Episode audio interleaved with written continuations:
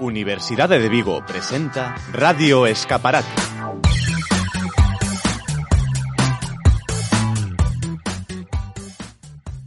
Queridos e queridas escaparatistas, moitísimas grazas por estar con nós unha semana máis na Radio Escaparate, a radio oficial da Universidade de Vigo no campus de Pontevedra. Hoxe traemos un programa ben ben cargadiño. Non temos entrevista, pero sí que temos os nosos colaboradores con unhas informacións e uns temiñas moi pero que moi interesantes por suposto, e quenes empezarán, como sempre, serán Isaac e Alicia con chíos e cancelos. Seguidos de Moisés e Dani con ese sofá e manta. Para animarnos un pouquiño e facernos bailar, veñen Alba e Mar con Colleitas Party. E por último, eses vos cotilleos con oso ruxe ruxe con Elena e Uxía. Que, por certo, para asegurarmos de que podedes contar as vosas historias neste Ruxe Ruxe, non olvides seguirnos en todas as nosas redes sociais. Arroba Escaparate Ubigo. Temos Instagram, TikTok, YouTube e Facebook. E, por suposto, tamén Twitter. Pois sí, pois sí, pero mira, eu teño moitas ganas xa de ver que nos traen os nosos escaparatistas. Pois entón, sen máis dilación, que comece o escaparate.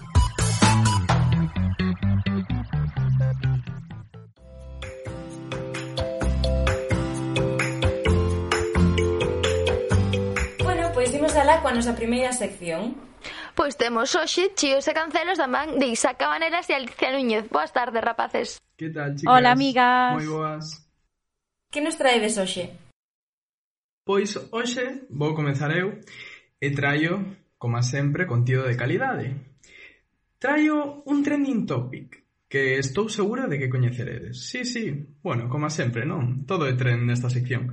E... Eh, Pois ben, o caso é un documental serie que tivo moito éxito. Unha docuserie así con aire suizo.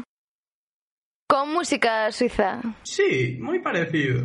Sí, sí, veo que sabes por onde vou. Ben, pois imos falar do docuserie de Rocío Carrasco. Vale, Contar estaba... la verdad a para seguir vivo. non entendía nada. Sí, sí.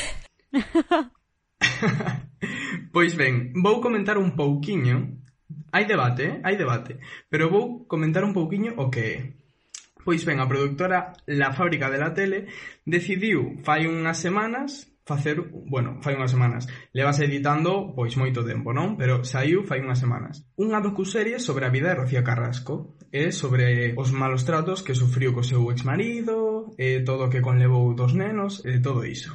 Ben, pois o día do estreo houbo un trinta e tres coma dous por cento de audiencia, o que equivale a tres millóns setecentos mil espectadores.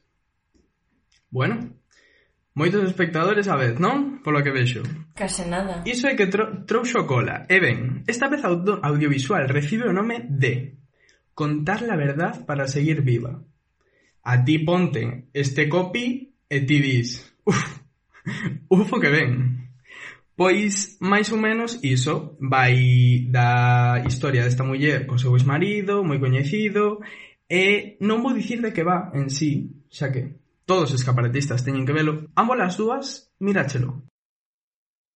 Non eu, eu non, eu sinto dicir eh, Mediaset, por favor, deixe de poñerme programas ás horas nas que eu estou dormindo Porque eu entendo que será moi interesante Pero eu luns levanto ás seis da mañá como para estar hasta as dúas Mirando unha docuserie, por moi interesante que sexa. Si sei o contido, porque, bueno, porque calquera que viva neste planeta sabe o contido pero non, non o vin, deixa de poñer series tan tarde, por favor. Pois, bendición. Nada, Ángela, tens que velo en mi tele despois pola tarde, ao teu, ao teu horario.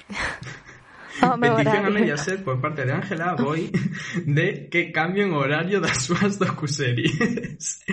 Pois, só vou dicir tres frases clave do documental, que foron Cando me devolvía os nenos na porta da casa, increpábame e insultábame. Vouche quitalos. Vante odiar, vou facer que te odien. Outra frase: Tiven os meus fillos mortos en vida. Escoitades isto e que pensades? Eu quero opinar desde o punto de vista dunha persona que eu son filla de pais divorciados tamén por violencia de xénero e pareceme fatal que se este tratando os fillos como se si foran dous monicreques sin opinión a min que meus pais se insultasen entre sí eh, evidentemente non me sentaba ben, pero a opinión deles ti non a crees. Eu deixei de falar con meu proxenitor por decisión propia ao comprobar a merda de persona que era. Non porque ninguén me dixese que clase de persona era. entonces cando me din Rocío Flores, e máis non sei como se chama o irmán, son víctimas do seu pai, hombre, deixou de falar con súa nai aos 13 anos. Aos 13 anos non tes 5. Tes capacidade de razonamiento, pero non tes 5. Eu aos 12 deixei de falar con meu pai e non teño ningún tipo de contacto de, con el. Pero por conciencia propia, non por outro motivo en ese documental é algo que me está parecendo fatal e a xente dicindo no, é que son víctimas do seu pai teñen 24 anos. Son dúas personas que pensan e que razonan non son dúas amebas. Porque algo que me está parecendo horrible que eu non sei se Antonio Davis era un maltratador ou non, porque eu non estaba ali. Ante todo hai que creer sempre a víctima pero eu non estaba ali. Pero aparte dese tema que eu non vou a opinar, sí que é certo que non podes tratar a dúas persoas maiores de idade como se si foran Totalmente. dous menos espectadores, porque non o son. A ver, eu creo que simplemente os rapaces non querían entrar no neste tema televisivo, súa nai sí contou a súa historia, mm, ao meu parecer, a historia tamén era dela, contouna como a viviu e está falando de anos nos que rapaces pois sí que eran Mm, menores e pequenos. Claro, pero ¿no? cando a filla deixou de falar con ela, porque a filla sí que, sí que ten unha vida televisiva e mediática, eh, tiña 13 anos. Eu, eh, con un ano menos que ela, tomei exactamente a mesma decisión. E podoche decir que foi moi fundamentada e moi reflexionada, e que non a tomei antes porque a lei non me permitía. E non tiña nada que ver coas opinións de miña nai, eh? Pois totalmente. Iso é o que quería conseguir, en plan, que dixera desa vosa opinión, precisamente. Así que... Do resto, a verdade é que da relación entre Antonio David eh, e Rocito, como lle chaman, ainda que chamarlle Rocito cando ten edad, cando ten fillos xa maiores que a min, a verdade, me parecen un pouco heavy. Pero esos motes que che quedan para toda a vida non, non podo opinar, non estaba presente. Totalmente, pois ata aquí. Bueno, Alicia, e ti que nos vas contar hoxe? Pois eu seguindo con este tema, xa que se está falando tanto esta semana, xa que aínda quedan algunhas partes máis do documental de Rocío Carrasco, pois eu quería recomendarvos uns documentales con perspectiva de xénero que se poden ver en Netflix. Parece vos? Pois mira que ben. Pois mirad, o primeiro, vale, o primeiro do que vos quero falar eh, titúlase Que coño está pasando? pero para buscalo en Netflix tendes que escribir en vez dunha ñ hai como unha almohadilla Bueno, pois é un documental... Que cono, sí. que cono. Pois é un documental que fala e analiza as desigualdades de xénero en España que, bueno, a través de entrevistas a periodistas, políticas, produtoras, é o que a mí máis me gustou deste documental é que todas esas entrevistas son a personajes con polos ideolóxicos bastante diferentes. Entonces pareceume que che daba diferentes puntos de vista ti escolles cal se parece máis fundamentado ou cada un ten o seu propio, Pero nese foi algo que sí que me chamou a atención. De feito, falaron bastante da industria pornográfica e vese as diferentes opinións tanto de de produtoras de, de pornografía e flipei co que podría pensar unha persona e o que estaba pensando outra do mismo ámbito e ven as dúas nun mismo documental entonces a min eso pareceume moi guai Outro documental que quería... Bon, tema moi heavy, eh? Sí. Outro documental que quería comentar era o de Nevenka, que está tamén saiu este ano, a ver, a un mes, e Nevenka Fernández foi a primeira demandante que gañou unha querella por acoso sexual contra un político en España, que era o alcalde, creo que de Ponferrada, se non me equivoco. Eh, e agora, sí. pois, 20 anos despois, rompe o seu silencio e vese todo o proceso do juicio, todo o proceso como casi juzgan máis a propia víctima do que acusan o acusado. Entonces tamén me parece que é moi interesante de ver porque ademais é algo que pasou pois fai 20 anos, pero ainda así en moitas cousas hoxe en día vese que non se avanzou. E outro documental aparte parte é Uf. o de novas entrevistas sobre a revisión que fixeran o El caso Alcácer, non sei se vos sona.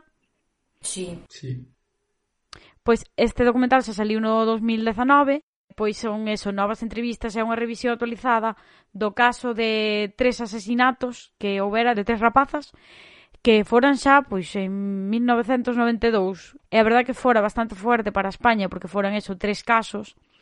Entonces, xa que nós ainda non nacéramos, parece un documental que hai que revisar para ver como levaron todas esas investigacións. E ver no que sí que se mellorou e no que sí que aínda queda moito por, por facer que ademais nese en caso, prol da igualdade do feminismo. Nese caso en concreto, eh, o máis chamativo de todo fora que realmente ninguén chegou a saber que pasou realmente. Simplemente esas nenas un día desapareceron e nunca máis volveron e ninguén realmente sí que hai indicios e, e suposicións pero non chega a haber un, unha evidencia clara do que pasou Uf, eh, é que eu creo que estou como en, toda, en todos os casos, a verdade é que se me están poñendo os pelos de punta, pues sí. pero supoño que estou como en todos os casos que seguro que alguén vivo ou sabe algo pero que por medo non igual a escena en sí, pero sospeitas de alguén, ves algo e non o dis porque dis a ver se si vai ser unha burrada estou aquí dicindo algo. De todas formas, eh, moitísimas gracias Alicia por estas recomendacións que a verdade é que están moi ben porque aparte de entreternos aprendemos moito e moitísimas gracias rapaces por esta sección tan interesante. Pois moitas grazas a vos, amigas. Ata a semana que ven. Chao. Moitas grazas. Ata a semana.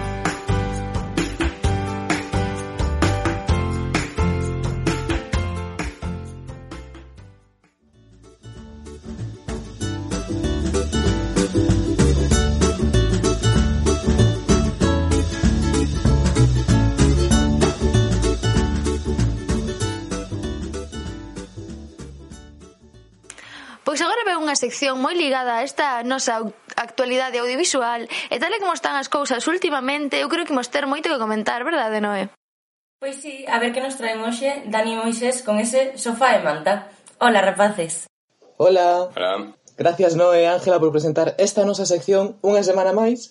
E pois sí, aí as Tentacións rematou xa oficialmente e temos do que falar, pero moitísimo. Bueno, non Daniel, digas... Es, esa victoria a que ven? no, no, no, victoria. É para... Porque eu vexo a Moisés moi encerrado na illa eh, de sensacións e vese que el quere falar de outras cousas. Claro, por eso teño, teño obrigado, eu eh, baixo Ai, pistola. a min encántame que veña Moisés a narrarme esta maravillosa historia da que non me entero. Sí, non te enter... que sí, Noelia, que xa sabemos que ves a illa de tentacións, pero sí, non é verdade, sí. Eu alegrome moito, eh, quero decir. Bravo, Noé. Eh? Bravo. É que non é outra cousa Bravo que decir. por alabarme. Eh, non digas moita victoria porque despois ven supervivintes, ou sea que están os dai as tentacións. Sí, sí, sí, son bueno, illa dous. Illa dous sen comer, e xa está. Eh, más ou menos. Eh, pois eso, illa das tentacións remata, rematou eh, o mércores, e eh, pois hai do que falar, pero moitísimo. Pero creo comezar por as fogueiras finais, eh, Imos ir por parella por parella, que os parece? Maravilloso. Pois empezamos con Lola e Diego, que bueno, un pouco sosa a fogueira final. Sí, eu esperábame aí, non sei, unha pelea, un o can é pa min, que non que o microchip está o meu nome, pero nada, todo... Nah. Todo queda Moi asertivo todo, sí, sí. Foi en plan, Diego non miraba a Lola, Lola en plan, oh, Diego, perdón, eh, xa está, pouco máis. Logo estaban Claudia e Raúl, que bueno, a ver, mellor que a de Lola e Diego, pero eu creo que foi a parella que non que pouco éxito tivo na Illa das Tentacións, é que pero bueno. Raúl, o sea, eu do pouco que sei, eh, vin o programa este e Raúl sinto como que está tan tan enamorado dela que lle perdonaría calquera cousa que fixera. Era como claro. eh, pasaba calquera cousa, bueno, si sí, eh, non pasa nada, estaba pasando ben, tal, eh, como, a ver, que ela tampouco fixo nada ultra grave, pero a veces como podes enfadarte, sabes? É normal. Bueno, ultra grave, eu prefiero que a miña parella se dé un bico con outra persona e non que estea abrazadiño, collido das mans e dicindo sentí unha conexión contigo única que nunca sentirá con ninguén. Xa, eso sí, A cousa é que tamén Raúl eu entendo un poquiño a Claudia tamén, porque Raúl é un pouco tonto, a ver, seamos sinceros. Porque, porque o pobre, quero decir, non sabe discutir as cousas, e claro, Claudia está explicando os seus sentimentos e Raúl está... Eh, eh, encántame, Claudia. A mí o que me chama moita atención, non sei a vos, é que falan da diferencia de idade e, e non se levan casi nada. Cantos anos? Cinco anos, cinco, no? cinco é pouco. O sea, pouco. Cinco é pouco, porque sabes, din, é que coa idade que nos levamos, e digo, pero que vos levades 20 anos, e Raúl está nos engañando a todos, e resulta que está máis cerca da jubilación que da universidade. Eu creo que Raúl despois dos 25 dixo, bueno, isto vai todo cara abaixo. e bueno, Claudia está aí na flor da vida, eu vou para baixo totalmente. E bueno, esa foi a hoguera. Bueno, foros xuntos despois, que está ben mencionalo, o sea, eu vi a Claudia un pouco a ver poviño, vou ir con el, pero xa está. Po que lles durou? Xa non están? No. Non. Oh. Tardou unha semana.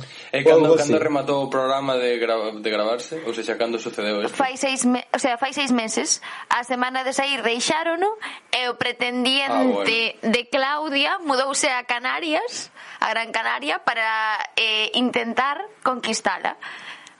Pero foi eh, Raúl que a deixou a ela, debo decir, foi Raúl que a deixou a ela porque viu que ela non era capaz de deixalo a él. Pois ben feito. E, eh, e, eh, e o outro, o tentador, eh, conquistou no final ou... Liado no, un par de veces, pero má. na... A conexión non foi tal. Foi de no. vacacións a Canarias, polo menos. Hmm. Pero eu creo que a seguinte parella, que foi Marina e Xesús, eu creo que foi a máis calente de todas. Porque quero decir, insultos, reproches, tivo de todo. Pero o mellor é que todo o mundo criticaba a Marina e despois desta fogueira dixeron Marina Reina, porque é verdade que Marina lle puxo os cornos a Jesús. Sí, pero polo menos foi consecuente cos seus actos e dixo equivoqueime e fixenche daño, sinto moito. El dixo, bueno, é que lle faltou respeto dunha maneira, el dixo, ela dixo, abrín a miña mente o meu corazón e dixo ela, no, e dixo, no, perdona, te abriste de todo. Eso a mí no se parece moi me... feo. Eso un pouco feo. Moi feo. E ainda por riba dicindo, e es que tu familia se va a avergonzar de ti. A miña familia conoceráme a min, que non te conocerá a ti, eh, e valle baixando. Sí, sí. Pero logo a mellor parella foi Hugo e Lara. O sea, eu chorei un pouquiño, verdade, verdade, pero, ah. quero decir. pero ah, foi moi bonito, verdade. Porque Hugo estaba en plan, oi, mira, non sei que non debería, pero produciume moita ternura. Non sí, debería, sí. porque eu non ten pinta de ser de fiar. A min Lara non me transmite nada, o sea, esa cara de nabo que ten 24/7, o sea, xa, é como, pero estáche, estáche parecendo ben, non? Eh, a parte fíxeme moita gracia en plan a súa actitude parecía unha sitcom máis que eh, unha relación de parella real. É que eu sinto sí. decir que é o exemplo de parella que non quero ter nunca. O sea, a Hugo encántalle, encántalle, porque se vía, cando Lara reaccionaba de maneira celosa a un vídeo, a Hugo flipáballe, encantáballe, sonría como se si acabase de tocar a lotería, pero no fondo pareceume tan cookie a súa re... o sea, non a súa reacción aos celos, sino como miraba que me produciu ternura, pero um, a little toxic esa relación, eh? Sí, é bastante tóxico. Sí, sí, pero mellor sí. foi cando se foron todos, e Sandra... ¡Ah, ¡Oh, parella! Foi o mellor desta edición, eh? Sí. Pero porque o Sandra, creo que Sandra tiña debilidade por Hugo, eh? Notábase un pouquiño. Sí, sí. E bueno, ata aquí hoxe. Dani, que non estás preparado? Pois eu, como xa uh, falaramos eh, fai un par de semanas, quedounos aí pendente un tema de, de pelis protagonizadas por Robert Pattinson. que, que eso, estará, estábamos falando de actores que, que ao principio da, da súa carreira encasillouse como, como actor guapo para unha saga e pouco máis, pero que foron eh, facendo películas nas que amosaron que eran eh, actores con, con talla, como foi o caso de Mario Casas polo, polo Goya, e eh, eso quedou o exemplo de Robert Pattinson para falar así entón trouxen unhas cantas pelis protagonizadas por Robert Pattinson posteriores a Crepúsculo. Eh, eh, a, as, as plataformas onde as podes ver. Eh, a primeira é Good Time do 2017 que atendes en Netflix dirixida polos irmáns Safdie que estes eh, fai pouco estrear, o, sea, o ano pasado estrearon unha peli con Adam Sandler de Diamantes en Bruto. Non sei se si, si vos sona. Sí que pero tivo bastante bastante sona porque Adam Driver estaba nunha oh, Adam Driver, perdón, Adam Sandler eh, tiña unha actuación eh, moi boa nesa peli.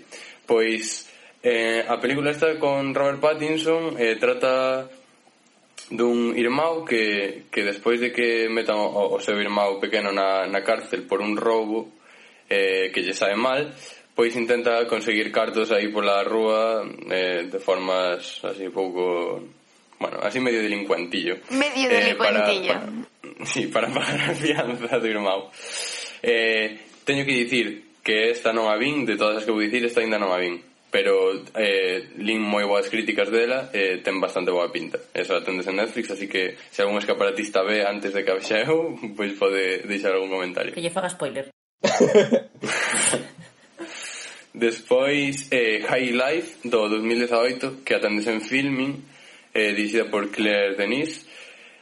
Eh, é eh, unha peli no, no espazo pero non é a típica peli de astronautas senón é unha peli bastante filosófica e, non sei, así moi contemplativa que Robert Pattinson eh, está nunha nave coa súa filla que bueno, é un bebé pequeno e logo bueno, aparece algo máis maior pero e por medio de flashbacks vai nos explicando a súa historia de como chegaron a esa nave era que os condenados a morte de certa zona de Estados Unidos, agora non me acordo, pois sustituíron esa condena por unha viaxe ao espazo ao sen volta ao buraco negro. Entón, en vez de morrer na Terra, pois na silla eléctrica, van ao espazo, por lo menos fan unha misión científica e morren xa no espazo.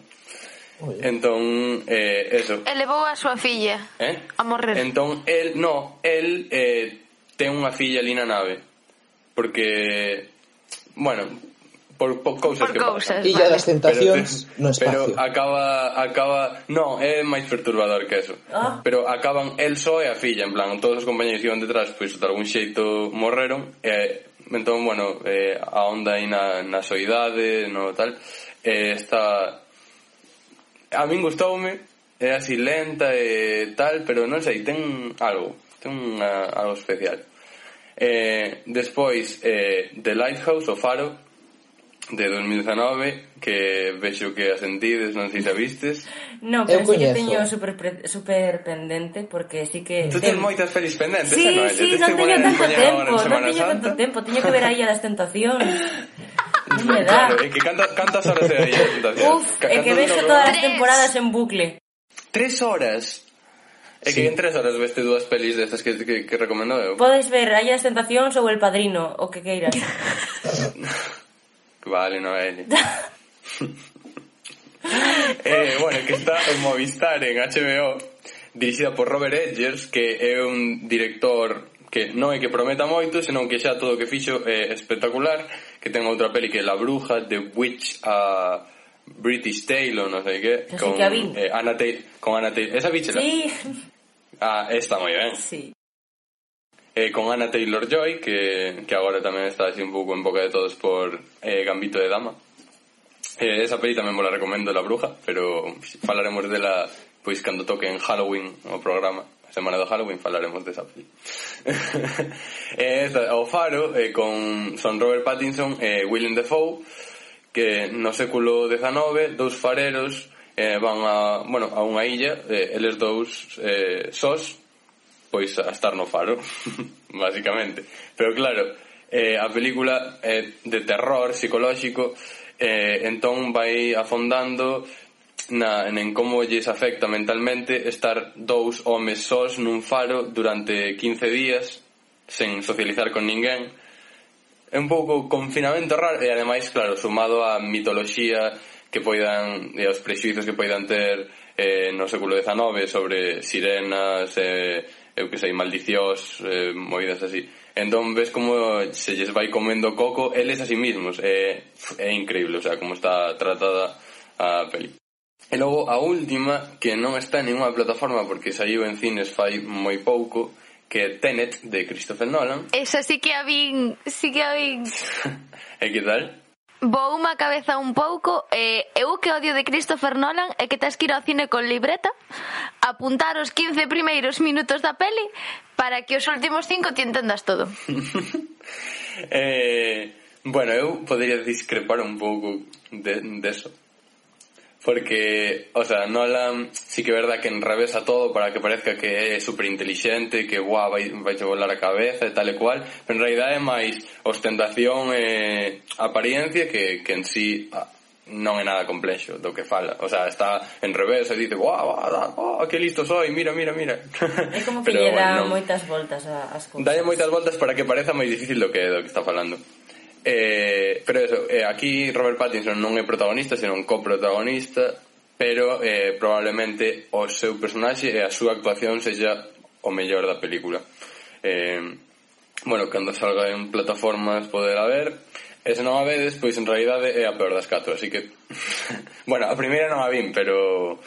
A ver, a min, a min gustoume, eh? eh o sea, está eh, guai, pero bueno... Está guai, ver. pero tampouco non ten aí... Eh, a, a ver, a historia, en realidad, o que mola é a movida esta do tempo e tal, pero porque a historia en sí En plan, a historia é unha excusa para fliparse co rollo do tempo. Sí, entón, a historia é, sí, sí, un espía ruso, moto, sí. un pendrive e non sei que, sí, sí, ben, a típica trama xenérica, cliché de espías, de un pendrive e los rusos, e, sí, sí.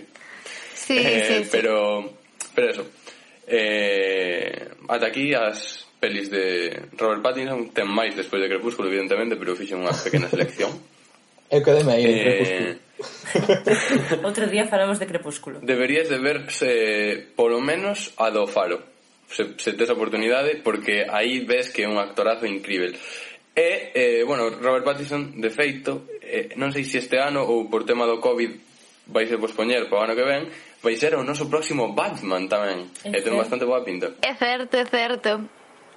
Ainda que non aparezca, vin todas as películas de Batman, Spiderman e os Vengadores. Moi ben, Ángel. Pois moitísimas gracias por esta actualidade visual. Ata a semana, semana que ven. Ata a semana que ven. Chao, chao.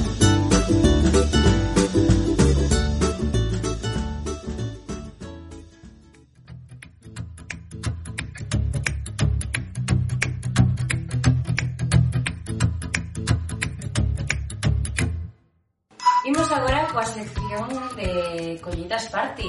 Pois si, hoxe imos aprender un pouquiño máis de música con Mar Herrero e Alba Rey. Benvida, rapazas. Hola. Hola, moi boas. Bueno, pois hoxe traemos un pouco de repaso musical da historia, tanto como Mar vamos irnos hacia o pasado, Eu vou empezar con un repaso dunha banda bastante coñecida, Pink Floyd. Eu supoño que todos coñeceremos a Pink Floyd, en que solo sea por ver unha camiseta no Berska co seu álbum, verdad? Por suposto. Bueno, isto ven a que o próximo 28 de marzo, domingo, cúmplense 27 anos do que algúns fan consideran o seu último disco de estudio, The Division Bell.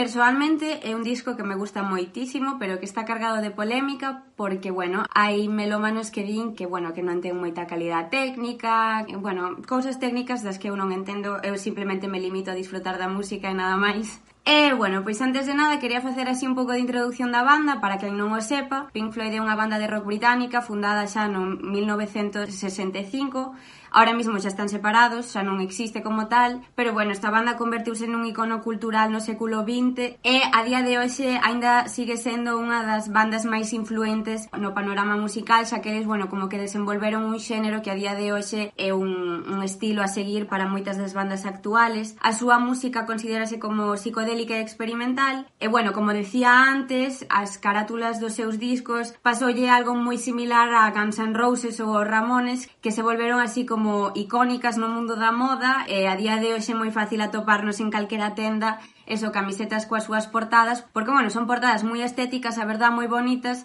e que, bueno, como sempre o capitalismo botou man deso para o seu propio interés. E bueno, o tema The Division Bell, un disco que se sacou no 1994. Foi o 14º álbum da banda. Posteriormente, no 2014, sacaron outro disco, The Endless Rivers, pero no mundo do fan, dos fans de Pink Floyd hai moitísimas opinións, xente que se enfada moito, xente que discute, e hai quenes din que ese último álbum pois que non é un álbum realmente. The Division Bell está formado por 11 cancións donde, bueno, as miñas favoritas poderían ser Wearing the Inside Out, Coming Back to Life ou High Hopes, parecenme temazos, a verdad. E este estivo moi criticado porque se algo destaca Pink Floyd é que os seus membros, algúns van, outros veñen, enfádanse, volven, rompen como unha parexa de moda ahora mismo. E bueno, pois o que foi o líder da banda durante a súa época dourada, Roger Waters, facía oito anos que non formaba parte da banda. Entón, por eso había polémica, porque había quenes decían que este xa non era un álbum de Pink Floyd, porque, bueno, se si non estaban todos os membros, pois que non podía ser un álbum baixo ese nome. Pero, mm, coa súa marcha, Roger Waters renunciou aos dereitos os de autor. Exactamente. Eh, a pesar de ser moi polémico e ser moi criticado porque ne saben de música, este disco cando saliu xa automáticamente chegou ao número un das listas británicas E bueno, isto tamén desenvolveu noutra polémica porque había xente que decía que cando chegas a un punto no que eres tan coñecido e tan valorado dentro do panorama musical, xa da igual a calidade da túa música, xa que saques o que saques, a xente vai no querer, vai a comprar os teus álbumes. Personalmente non creo que isto se poda aplicar a este disco, porque a min é un disco que me encanta, que conectei moitísimo con el, que ten unhas cancións preciosas, pero bueno, hai quenes non opinan o mesmo. E agora, bueno, pois para quedarnos con algo bonito do disco, porque parece que estou pintando fatal con un montón de polémica, O concepto do álbum fala sobre un tema que me parece super interesante, que é o da comunicación. Todas as súas letras se desenvolven ao redor da idea de que moitos problemas da vida podense solucionar mediante a comunicación. E tamén hai quen di que este temática podría ser un pouco de beef a Roger Waters, quen abandonou a banda e despois non quixo volver. Tamén ten unha portada super icónica que, para quen non o sepa, está formada por dúas esculturas dun tamaño monumental que están como enfrentadas eh, con un campo de fondo moi bonito e, eh, bueno, que recomendo a quen non o escoitou nunca que de verdade que dé unha oportunidade porque é un disco precioso dentro do meu punto de vista. Eu personalmente quero pensar que, que sí que é como unha indirecta a Roger e que sí que hai ese beat porque fai o doble de interesante. Porque o que nos gusta a nos un salseo, eso non está escrito. Bueno, pois falando de salseo, veño contarvos, bueno, eu estaba outro día mirando memes e vi un que era algo así como toda a vida sonrisas e sonrisas ata que les a letra de We Are Young, de fan. E, claro, como son eu de curiosa, tiven que ir a mirar. Sabedes esa canción que é a mítica de We Are Young? Un himno da adolescencia. Que todos cantamos en plan We Are Young, bla bla bla bla, na na na na na. E o que veña despois que xa se verá. Bueno, bueno, é que eu non sei se quero volver a cantar, así cho digo. Toda a letra vai dun abusador. Perdón. Como? Mira, eu é que flipei. O sea, vou lela en inglés e vos digo a historia por se acaso non entendedes. Entón di, My lover, she's waiting for me just across the bar. She's, uh, my seat's been taken by some sunglasses, asking about a scar. I know I gave it to you months ago. I know you're trying to forget it. Entón di, a miña amante está sentada nunha silla, bla, bla, bla. Basicamente, cuns apodos e pseudónimos, di que un policía está interrogando a súa moza porque ela ten unha marca, na, en plan unha scar, que é unha cicatriz, e di, sei que eu xa puxen, en plan xa din, uns meses atrás, e sei que estamos intentando olvidalo, pero en plan, el, a canción vai de ten en conta que a pesar de que eu che peguei, quero te moitísimo E hoxe somos xóvenes, estamos de festa e ups. O sea, que ainda por riba é como desde a perspectiva do abusador. Sí, sí, rollo. Que forte. Uh, quérote moitísimo. O do outro día foi un ups. Miña nai querida Eu teño esta canción nos meus favoritos de Spotify Vou na quitar porque nunca máis a vou volver a escoitar da mesma maneira eh? trauma é que se escoitas toda a letra podes mirar en plan é que dicir, bueno, eu xa non, non podo cantala máis, é que é así. E claro, estive investigando, dixen, eh, non pode ser a única efectivamente. Hai unha que está de modísima agora, que Only other kids and it don't like this. Ai, non me, non me, non me... Vale, esta sí que sei. Eu non sei de que vai. Vale, chamase Pumped Up Kicks, é de Foster the People. Comeza en plan, he found a six-shooter gun in his dad's closet in a box of fun things bla bla bla bla bla. All the other kids with the pumped out kicks, you better run, better run, outrun my gun. É dun tiroteo nunha escola. Ah, cojonudo, joder, temazo alegre. O peor de todo é que esto, en plan, esta canción tamén é das miñas cancións da adolescencia e esta sí que a coñecí en o momento en que analicei a letra foi cando máis me gustou, aínda que poida parecer un pouco estrano, pero porque era como, joder, unha canción que fala de algo diferente, non? En plan de, ai, el amor, ai, non sei que, non, é como, Dios, está falando de algo moi real, moi duro, non sei, parece moi guai. Claro, pero poñenlle un ritmazo super alegre a unha canción que... Bueno, pero... vale, pois pues, pues non, non, fatal.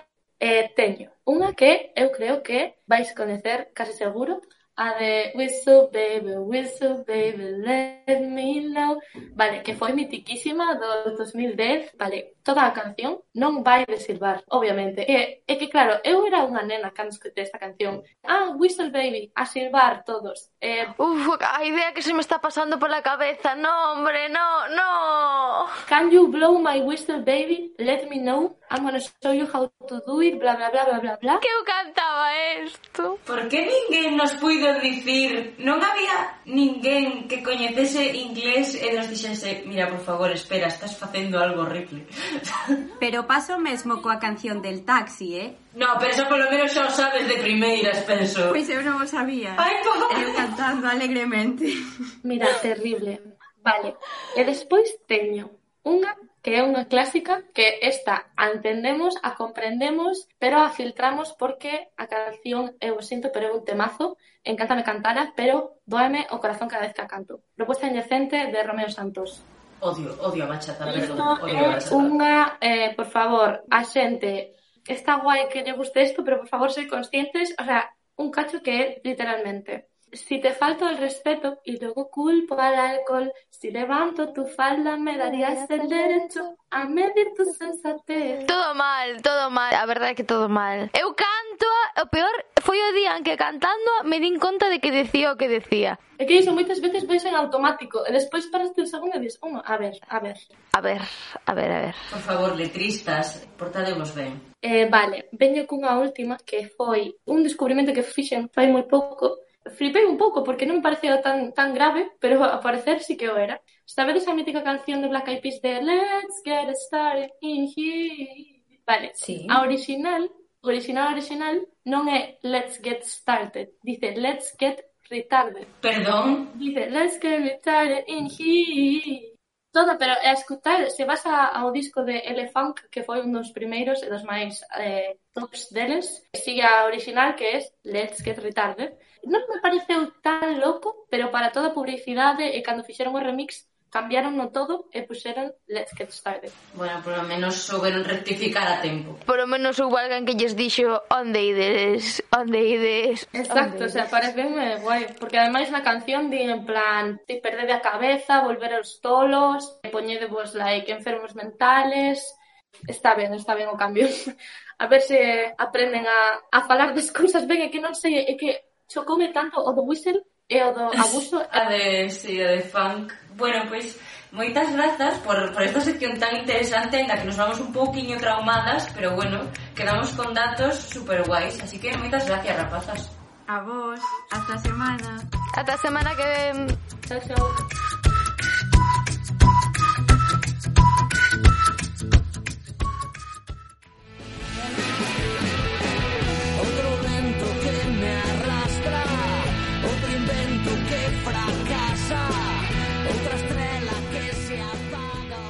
chegamos xa á última sección deste programa. Imos aló con ese ruxe ruxe. Ola Elena, ola Uxía, que nos traedes hoxe? Ola chicas. Moi boas chicas. Eh, hoxe, Elena Maiseu, traemos vos de novo Prexuizos das facultades do campus de Pontevedra. Eh, hoxe o turno de Belas Artes e Forestais, así que esperanos uh. unha sección interesante. Empezamos coas anécdotas que ten Elena, a ver que nos conta. Pois si, bueno, vou empezar eh, a facen eh, dicindo as anécdotas que nos compartiron os nosos escaparatistas sobre a Facultade de Belas Artes. E, bueno, empezan dicindo un prexuízo moi típico, non? Que son hippies, alocados, eh, etcétera, etcétera. A ver, mm, non sei que opinades. Esperábame completamente ese prexuizo porque o mítico sí, de sí, sí, sí. Ah, os de Belas Artes, perroflautas, uns fumaos, tal, e como a ver, penso que hai Debo decir si sí, fumados, unha, ben... unha cousiña con respecto a eso. No de Tinder non estabas na radio, pero creaba unha sección que se chamaba Falar na Rúa. Eu iba pola rúa preguntándolle á xente. Hubo un venres pola tarde que agravei e non había xente e dixen, boa, belas artes, que sei que teñen clase pola tarde. Eu non direi que o de fumado se refiera a todos pero digamos que teñe un ambientador na porta desa facultade eh, que dá a entender específico. que sí. eh, continuamos con outra que creo que é super mítica, que é que din que non ten futuro, unha carreira que non ten futuro. A ver, eu aquí estou eh, en contra totalmente, porque creo que, bueno, todas as carreiras teñen máis futuro do que creemos. Sí, eh, sí, todas podemos ir poden albergar paro, moito eh. nos... Todas podemos ir xuntas para o paro, pero todas podemos facer moitísimas cousas en común. E, e creo que é un tópico moi moi común en verdad, pero eu estou super en contra. Claro, pero eu creo que estou en todas as carreiras, porque en realidade se non te moves eh, ninguna carreira tan salida. Ninguén che vai vir ao, ao salir da facultade e dicir, ai, mira, unha recién licenciada, queres un traballo? A segunda, bueno, a terceira, perdón, creo que é outra super mítica, oye, mm, para ver as artes totalmente, dibuxar ben. A ver, eu creo que, a ver, non sei se é un prexuizo, Eu teño... A ver, máis que un prexuicio, creo que é algo que tes que ter máis ou menos pantada esa carreira. Eu, por exemplo, sei que non vou entrar a, a Bellas Artes se non sei debuxar, non sei pintar. Que, fo, que vou facer o primeiro día xa? Totalmente, eu nada. Um... Claro, eu non podería entrar nesa carreira. Que, que fago? Saludar? A seguinte é... Teñen dióxesis. Falo con coñecemento de causa. Ostras. Está forte. Claro. É que non lles gusta, fan moitos traballos, é unha pena tirar o teu traballo. Entonces eu teño compañeiras de clase que convivían con xente de Belas Artes e tiñan 500 cuadros no salón. Bueno, o piso tiñan ben decorado. Eso é un puntazo. É que se nos poñemos así, eh, eh, os de CAP tamén, e eh, eh, vos tamén os de Publi, eh, eh, toda a xente que traballa no ordenador, tamén temos dióxenes, hai que ver todos os traballos e como están os nosos discoduros, eh? Totalmente Pero certo, dióxenes eh. nos temos de ordenador, entonces non é tan visible. Claro, pero eh, é para todos igual. Aquí non excluimos a nadie, verdad? A seguinte é non os queren en pisos porque manchan moito. Iso ten que ver un pouco co anterior do que falábamos. Iso é verdade, eh? Iso, sí que, iso, iso non é un eh, prexuizo, iso é verdade a unha amiga miña que, que estudaba Belas Artes moitas veces sí que lle pasou que decir estudas Belas Artes? Non, non, non, entón aquí non te queremos é eh? como, bueno, pois oye Que é verdade que é normal porque sí que houve casos nos que lle deixaron o piso feito un desastre e tal, pero penso que máis que xa non é só a carreira que estudias, hai xente que é un desastre e que é unha porca e que vai deixar o piso e que vamos, feito unha pocilga. Pero bueno, sí que entendo ese pequeno estigma que soe ter a xente. Sí. Pero a mancha que sentido, porque eu imagino todo cheo de pintura, cousas así. Claro, claro, en plan, eh, imagínate que estás pintando, manchas toda a parede sen querer, en plan, salpicas. Pois, oye, mm, entendo que tal, pero a ver, tamén che digo, de pasar unha capa de pintura facer traca, tampouco va a pintar toda a parede, ou podes de, claro. que quede que quede dame 20 euros da fianza, pois xa está. Bueno, eu a verdad que son alocado harto, xa que non me importaría, Eh, en plan, me encanta. Que che pintaran directamente na parede, di verdad. Claro, que che decorasen o efectivamente. salón. Si, sí, eh, o dos cadros, bueno, un cantos máis mellor. Eh, a seguinte é, ao, aos de Belas Artes encántalle teñirse o pelo, deben facer colaboracións con L'Oréal París. Pois non sei, é que tamén depende, porque tamén coñezo eso, xente que eh, igual non se tinguiu na súa vida e que leva un estilo Mm, pois normal, o sea, normal, non que o resto non sexa normal, pero máis básico, digamos, eh, tamén é verdade que despois hai xente que tiñe o pelo eh, catro veces eh, o mes, pero eso tamén hai na miña carreira, eh? En publi, en publi tamén. tamén. Sí. Eh. Eu creo que somos un campus moi creativo. Bastante creativo, sí, sí, en xeral. Claro. Podemos coñer un pouco deses prexuizos para nós tamén. Sí. Sí. A seguinte creo que dixo mm, ai non, creo que foi Ángela ou Noelia, bueno, non me acordo, unha das dúas, que é que fuman moitos porros. Ángela. Eh, Ángela sí, foi antes. Sí, sí, sí, sí. Eh, eu, eu non digo que todos, pero na porta, os que o fuman van á porta da facultade, cousa que non sei eu como será de ético. Porque a porta desa facultade a recende a a, a eucalipto. A eucalipto, eucalipto. Ambientador de pino do coche, mítico. E finalmente, isto parece unha mentira enorme, que é dicir que son uns ninis. Eso tamén, bueno, vai a ah, contar despois o Xía. A ver, eu creo que xa para empezar se están estudiando xa, nunha carreira, xa, non son. xa para empezar non son ninis. Por eso. Ademais... Se refiren a que non rascan bola, mira, eso está en todas as carreiras. Podes, podes che facer unha lista e só levo dos anos na facultade, eh? Sí. Eh, bueno, decir que eu, a min carreira de Belas Artes, pois encántame, eh, pareceme que estás infravaloradísima, e eh, nada, que desde aquí os nosos caparatistas que estudian Belas Artes, que teñen todo o meu apoio, que non lle fagan caso, ni, nada, ningún nada isto. Que nos que contas, Uxía, a pintar agora? a parede, non? Sí, e que me regalen moitos cadros, eu acepto todos. Apuntade, eh? Se queredes gañar a, a Elena, xa sabedes que facer. Efectivamente. Pois eu vou falar agora de forestais, que fiando co que dixo Ángela antes de eucalipto, desta vez eucaliptos, pero de verdade. entón, pois por aquí dinos... Dos diro monte, sí. dinos, que son uns frikis. Primeiro de todo. Joder. Xa empeza... Comeza forto. Comeza bueno, forte, sí. Eu, eu teño que teño que dicir o meu prexuizo que non o puxo, pero vou non dicir, non é un prexuizo, é que eh, creo que se coñezo a dúas persoas que estudian forestais en esa facultade, a maior parte da xente que vin foron os de primeiro de CAP grabando algo para eh, Tito ou eh, a xente que vai á cafetería, fin. Debo decir eh, que ese prexuizo é certo porque só teñen 30 alumnos ahora mismo, 40, Pero de eh, cantas, eh, pero tamén plazas? temos a nosa Facultade de Administración e Xestión Pública. A canta xente coñecedes que estude esa carreira? Bueno, ah, no, coñezo... Bueno, mentira, non, eh? no, non sei, máis ou menos, igual, por aí van. Escaparatistas, eso no. dicídenos se coñecedes a alguén. Vou, vou esperar ao final, pero eu teño un prexuizo que en realidad non é prexuizo, que é verdade, e que vou non facer aquí a modo de reclamación cando remate o xía a ver se sae ou non sae. Ui, ui, ui, que, que intriga, eh? Veña, veña, imos a ver eses prexuizos que teñen os nosos escaparatistas para poder despois coñecer o teu, Ángela. Veña, pois seguimos. Métense por meter na carreira. Ostras. É unha enxeñería, eh? Ti crees que alguén se mete a facer física, matemáticas? que valientes claro. os nosos escaparatistas. Sí. A ver, recordamos que son prexuizos, non que sexa verdade, eh? Pero este, non sei, eu de dicir vou facer unha carreira por facer non, non escollería algo tan eso, unha enxeñaría e algo tan concreto A ver, nós igual pensamos eso porque estudiamos ciencias sociais, pero igual se estamos estudiando unha... Bueno, Ángela no, pero... A ver, eu, por exemplo, no meu caso, se estudiara unha ciencias, non ciencias mm, tecnolóxicas, chamase, non?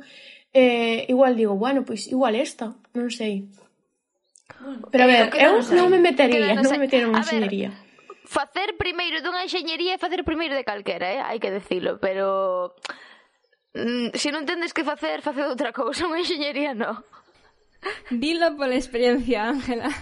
Sí, sí, sí, sí. Eh, por aquí dinos, non sabía que existía esa carreira. En plan, varias xente díxonos que non sabía nin que existía, así que non ten nin prexuizos. Que eso tamén di, díxonos varias xente, que en plan, non teño prexuizos, non a coñezo, Ata aquí. Eu tampouco coñecía. Que... Deben pensar que é un edificio da xunta que está ali plantado no medio do, ca do eh, campus bueno, porque sí. dinos que son catro personas. Eu pensei no cando fun a facer a matrícula. Eh... eh despois dinos que son eh, catro personas contadas. Bueno, 40, pero pódelas contar. E despois que, por último, que como coincide cos prexuizos de Belas Artes, que son ninis. Pero bueno, se estudan, non poden ser ninis, é unha outra incoherencia. En realidad... Ui, viu con rencor, eh? En realidad isto vou non decir con coñecemento ten moito que ver co, co meu prexuizo que é que a xente entra en enxeñería industri industrial, en enxeñería forestal, sendo moi moi verde de non deixemos que eucalipticen os nosos montes, que sexa monte de Galiza, e saen traballando para Ence. Claro que a min se me pagase oh. o que paga Ence, eu non sei ata que punto diría que no. Eu creo que diría que no, a verdade, porque non son moi pro eucalipto, pero é certo e falámoslo moitas veces en clase que o 90% da xente que estudia diseñar industrial industrial, madre mía, estou que industrial hoxe, forestal acaba traballando para Ence, porque hai poucos, a Ence fanlle falta, e Ence unha cousa que ten é que os soldos de 2.000 euros repartios como se foran chicles. Bueno, pois aí chega un momento no que os principios de cada persona vense comprado. Co como decía Ma Groucho Marx, tengo mis principios, pero si non le gustan, tengo outros. Efectivamente. Bueno, pois, eh, a ver, que, que ojalá eh, nos este vendo algún escaparatista de forestais e nos poida asegurar que, por favor, non vai acabar vendendo a súa alma a Ence. Por favor, eh, si traballades para Ence, que sexa porque xa non teñades principios de antes. Pero se si os traíades da sexa, casa... Por... Non hai que morrer de fame, pero hai que intentar eh, ter uns valores primeiro. E bueno, chicas, hasta, hasta aquí a sección de hoxe. Recordamos Aos nosos escaparatistas que estamos superactivas en redes sociais preguntando anécdotas de forma anónima como sempre, xa podedes ver aquí, e recordamos que son Escaparate Uigo. E, bueno, vémonos na semana que ven. Pois moitísimas grazas, rapazas. Ata semana que ven. Ata semana. Chao, chao.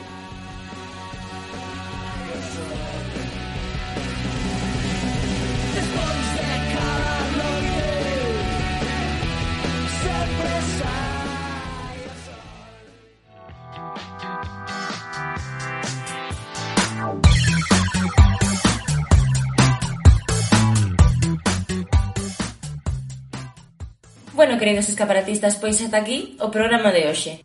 Como podedes ver, cada semana estes locutores vanse mellorando. Eu creo que cada vez se me fai máis corto e máis ameno o programa. Totalmente, e que mira que hoxe falaron, eh? Pero ainda así nos encantadas, como se nada. Como sigamos así, o programa vai durar dúas horas escaparatistas. Eu non sei se vos estades dispostos, pero nós, por suposto. Desde logo. Pero bueno, se aínda non vos chegou toda esta información, todo este temiña, Podedes seguirnos nas nosas redes sociais, arroba escaparate Vigo, escoitarnos en Spotify e iVoox e tamén ver algunhas das nosas seccións na nosa canle de Youtube.